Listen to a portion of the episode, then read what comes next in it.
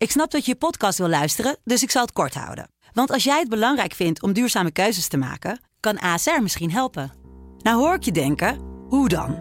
Nou, bijvoorbeeld bij het duurzaam herstellen van schade. Of de premies die we beleggen volgens ons duurzaam beleggingsbeleid. Dat bepaalt waar we wel en juist niet in investeren.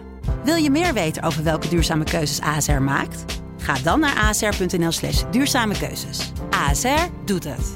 Zo, dan kan je nu lekker naar je podcast luisteren.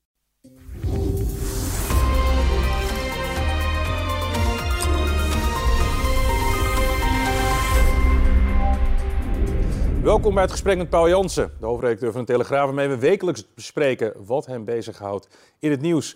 Paul, uh, welkom. Uh, komende week is er een, uh, een ronde tafelgesprek, zoals dat heet, waarin we over ja, de journalistiek anno nu gaan praten en, en, en de vele invloeden die er inmiddels zijn op, op, de, op de journalistiek vanuit de maatschappij. Wat, wat wordt daar nou besproken? Ja, het is een ronde tafelgesprek in het, van de Tweede Kamer. Dus de volksvertegenwoordigers die eh, organiseren dat. Dat is een vaker ingezet uh, middel om uh, ja, de, de, parlementariërs te informeren over een onderwerp. En in dit geval gaat het over uh, de persvrijheid. En dan met name over de toenamende dreiging en geweld richting journalisten. En de, ja. de Tweede Kamer maakt zich daar zorgen over, terecht, denk ik. Want die zegt ja. Weet je, een vrije, pluriforme pers is gewoon cruciaal in een democratie. Ja. Dus ik vind het goed dat daar, dat daar oog voor is. En tegelijkertijd denk ik van...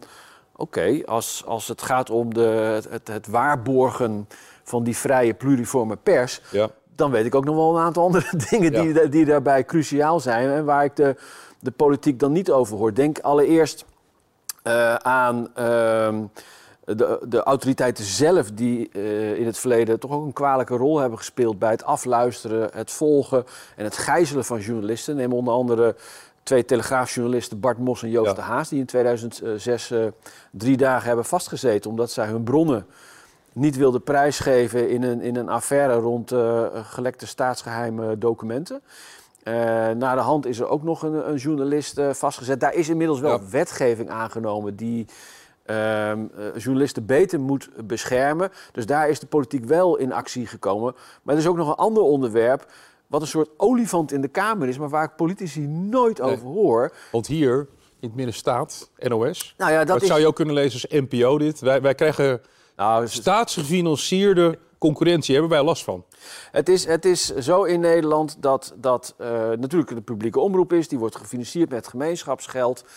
Um, en in het verleden was dat prima. Je had de, de dagbladuitgevers die zaten op papier. En NOS die deden, deden televisie. En toen kwam het internet. En toen kwam het internet. De tijden zijn veranderd. En, en je ziet nu dat, dat de dagbladuitgevers... Um, en ook RTL Nieuws, hè, dat zijn dus commerciële partijen... die hun hele journalistieke organisatie moeten betalen... uit inkomsten van ofwel abonnementen... Uh, ofwel advertenties en vaak een combinatie daarvan. En uh, laat ik het even beperken tot de dagbladuitgevers. Wij zijn allemaal op zoek naar dat nieuwe verdienmodel. Nou, dat hebben we nu gevonden ja. in het digitale domein. Dus we zijn allemaal, naast dat we nog een dagblad hebben... wat heel belangrijk nog steeds is in, voor, voor print... zijn wij heel erg aan het groeien op met onze website en onze apps. En daar hebben we ook een digitale betaalmuur geïntroduceerd voor content... En wat zie je nu gebeuren? Dat, we, dat terwijl dat eigenlijk onze reddingsboei is, is de eerste de beste die we daar altijd tegenkomen, is de NOS. Ja. En de NOS zet alles open, uh, heeft geen betaalmuur, want die heeft dat, heeft dat niet nodig, want nee. die krijgt de centjes uit, uit Den Haag. Ja. En dat leidt tot een, tot een concurrentievervalsing, waarbij uh, het, het probleem is dat... Kijk, ik verwijt de NOS op zich niks... Nee. Uh, hoofd, hoofdredacteur Marcel Kolauf zegt gewoon... ja, ik maak gebruik van de ruimte die ik heb. Er werken ook prima journalisten bij NOS. Maar de politiek, de politiek die de ruimte biedt... die zou eens een fundamentele keuze moeten maken... van wil je nou echt pluriforme media voor de toekomst veiligstellen... dan kan je niet alles tegelijk. Dus dan zou je de uh, publieke taak van de NOS in dit geval moeten beperken. Zoals ook gebeurt in België, zoals ook gebeurt in Duitsland. En in Nederland kijken we allemaal, omhoog. Ja, want als, als we dat heel eventjes... Uh uh, concreet maken, is dat vroeger keek, zet ik de tv aan of de radio, maar nu open ik de website van de Telegraaf, of uh, excuus, van de NOS, en ik zie hele stukken tekst. Ja. Wat gewoon rechtstreeks concurreert met onze website, waar ook tekst staat. Ja. En uh, we zijn weliswaar ook video gaan maken, maar dat betalen we allemaal zelf. Nou, kijk, en, en uh, onze, onze journalistieke budgetten zijn, zijn begrensd. Dat is schaarste, want we moeten het allemaal, uh, allemaal zelf ophoesten. Ja. Maar er zijn, er zijn een aantal problemen. Je geeft er al één aan. Um, en dat is namelijk dat de, de site van de NOS is niet beeldgedreven. Het komt, ze zijn natuurlijk begonnen met journaals, et cetera, beeld. beeld.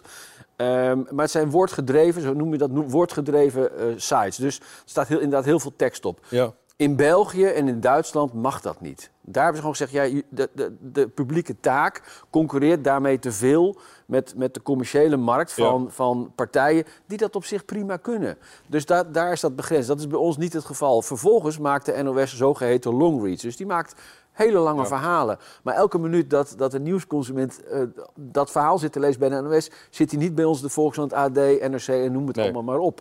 Dus dat, dat is ook uh, een, een, een concurrentievervalsend uh, vervalsend iets. En daar zou de, uh, de politiek eens een keer op moeten ingrijpen. Want het is uiteindelijk geen houdbare kaart. En wat zegt nou de hoofdredacteur van de NOS? Ja. Zegt ja, maar uh, het dagbladuitgevers, wij zijn helemaal niet jullie vijand. Want de vijand is Facebook en Google, want die vreten alle advertentieinkomsten weg. En dat is een vals argument. En waarom is dat vals? Omdat als ik kijk naar de Telegraaf kwart tot 80 procent van, van, onze inkomsten komt uit abonnementen. Ja. komt helemaal niet uit advertentieinkomsten. Dat, dus wij moeten het vooral hebben van abonnementen. Dat, uh, dat is uh, waar ons verdienmodel met name op gebaseerd is. Maar als dan de unieke verhalen waar wij met onze journalisten heel veel tijd en expertise in steken... en die leveren iets op en wij zetten dat op onze website... Uh, achter een betaalmuur. Dan komt de NOS, die pakt dat artikel, neemt het over en zegt al dus de NOS en zet alles gewoon open en bloot op hun website. Ja. Weg voor die model. Maar het is een heel simpel verhaal eigenlijk. Eigenlijk is het, het is niet ingewikkeld. Wat mij betreft wel. Nee, nee, nee maar het is, het is, je, je legt het uit en eigenlijk er is gewoon oneerlijke concurrentie. Ja. Je hebt België en Duitsland als concreet voorbeeld. Dan ga je naar de Tweede Kamer. Je bent uh, misschien wel met, met een delegatie, ik weet niet of je daarheen geweest bent. Ja, wij zijn met uh, de hoofdredacteur van de landelijke dagbladen bij... In de voorbije jaren hebben we alle Kamerfracties bezocht en alle fractiespecialisten. En we zijn ook bij minister Slop geweest. En die zeggen? Die zeggen allemaal, uh, uh, terecht punt, uh, ja, dat is zorgelijk, moet wat aan gebeuren. En uiteindelijk gebeurt er niks. Goed idee, en, doen we, en, doen niks mee. Ja, bedankt en huppakee. Ehm, en de, de minister Slop, die over media gaat, die heeft ook allemaal tafels ingesteld... waarbij de partijen uit het medialandschap samen zouden moeten onderhandelen over publiek-private samenwerking. Ja. Het allemaal. Al die tafels zijn mislukt. Dus uh, we zijn nu een aantal jaar verder. En daarom vind ik het ook belangrijk om hier aan te kaarten. Omdat de Tweede Kamer volgende week. met op zich een, een belangrijk onderwerp ja. hoor. Maar ze gaan hier weer volstrekt aan voorbij. Terwijl dit ook belangrijk is. Uh, de, de, politiek zou nu zeker nu een nieuw regeerakkoord wordt gemaakt. zou nou eens gewoon lef moeten tonen en keuzes moeten maken en moeten zeggen tegen, tegen de publieke omroep, in dit geval met name de NOS, het gaat om meer, maar met name de NOS, van ja, uh, goed werk wat jullie doen, maar die taak in het digitale domein, die moet echt worden beperkt, want anders kunnen we op termijn pluriforme media niet handhaven, want wij kunnen niet goed overleven als wij uh, telkens te maken hebben met een grote speler ja. op die digitale vluchtheuvel die uh, daar gewoon op een oneerlijke wijze met ons concurreert. En laten we dan hopen dat uh, een aantal politici uh, het lef hebben om vooruit te kijken en zien wat voor scenario's er aan de horizon dreigen te komen en op tijd ingrijpen in plaats van als de eerste partijen gaan omvallen. Je kan niet, je kan, je kan niet in Den Haag het, het ach blijven roepen en hoe belangrijk pluriforme media zijn als je ondertussen dit weet en wel op je handen blijft zitten. Dan wordt, dan wordt het goedkoop. En ik vind dat politici die al uh, misschien niet een al te best beeld hebben de laatste jaren, ervoor moeten waken voor obligate uitspraken. En dat ze eens een keer uh, boter bij de vis moeten doen en in actie moeten komen. Als het echt aan het hart gaat dat die pluriforme media in Nederland uh, bewaard en, en geborgd blijven, zoals dat ook in Duitsland en België wel gebeurt. Dankjewel. Graag gedaan.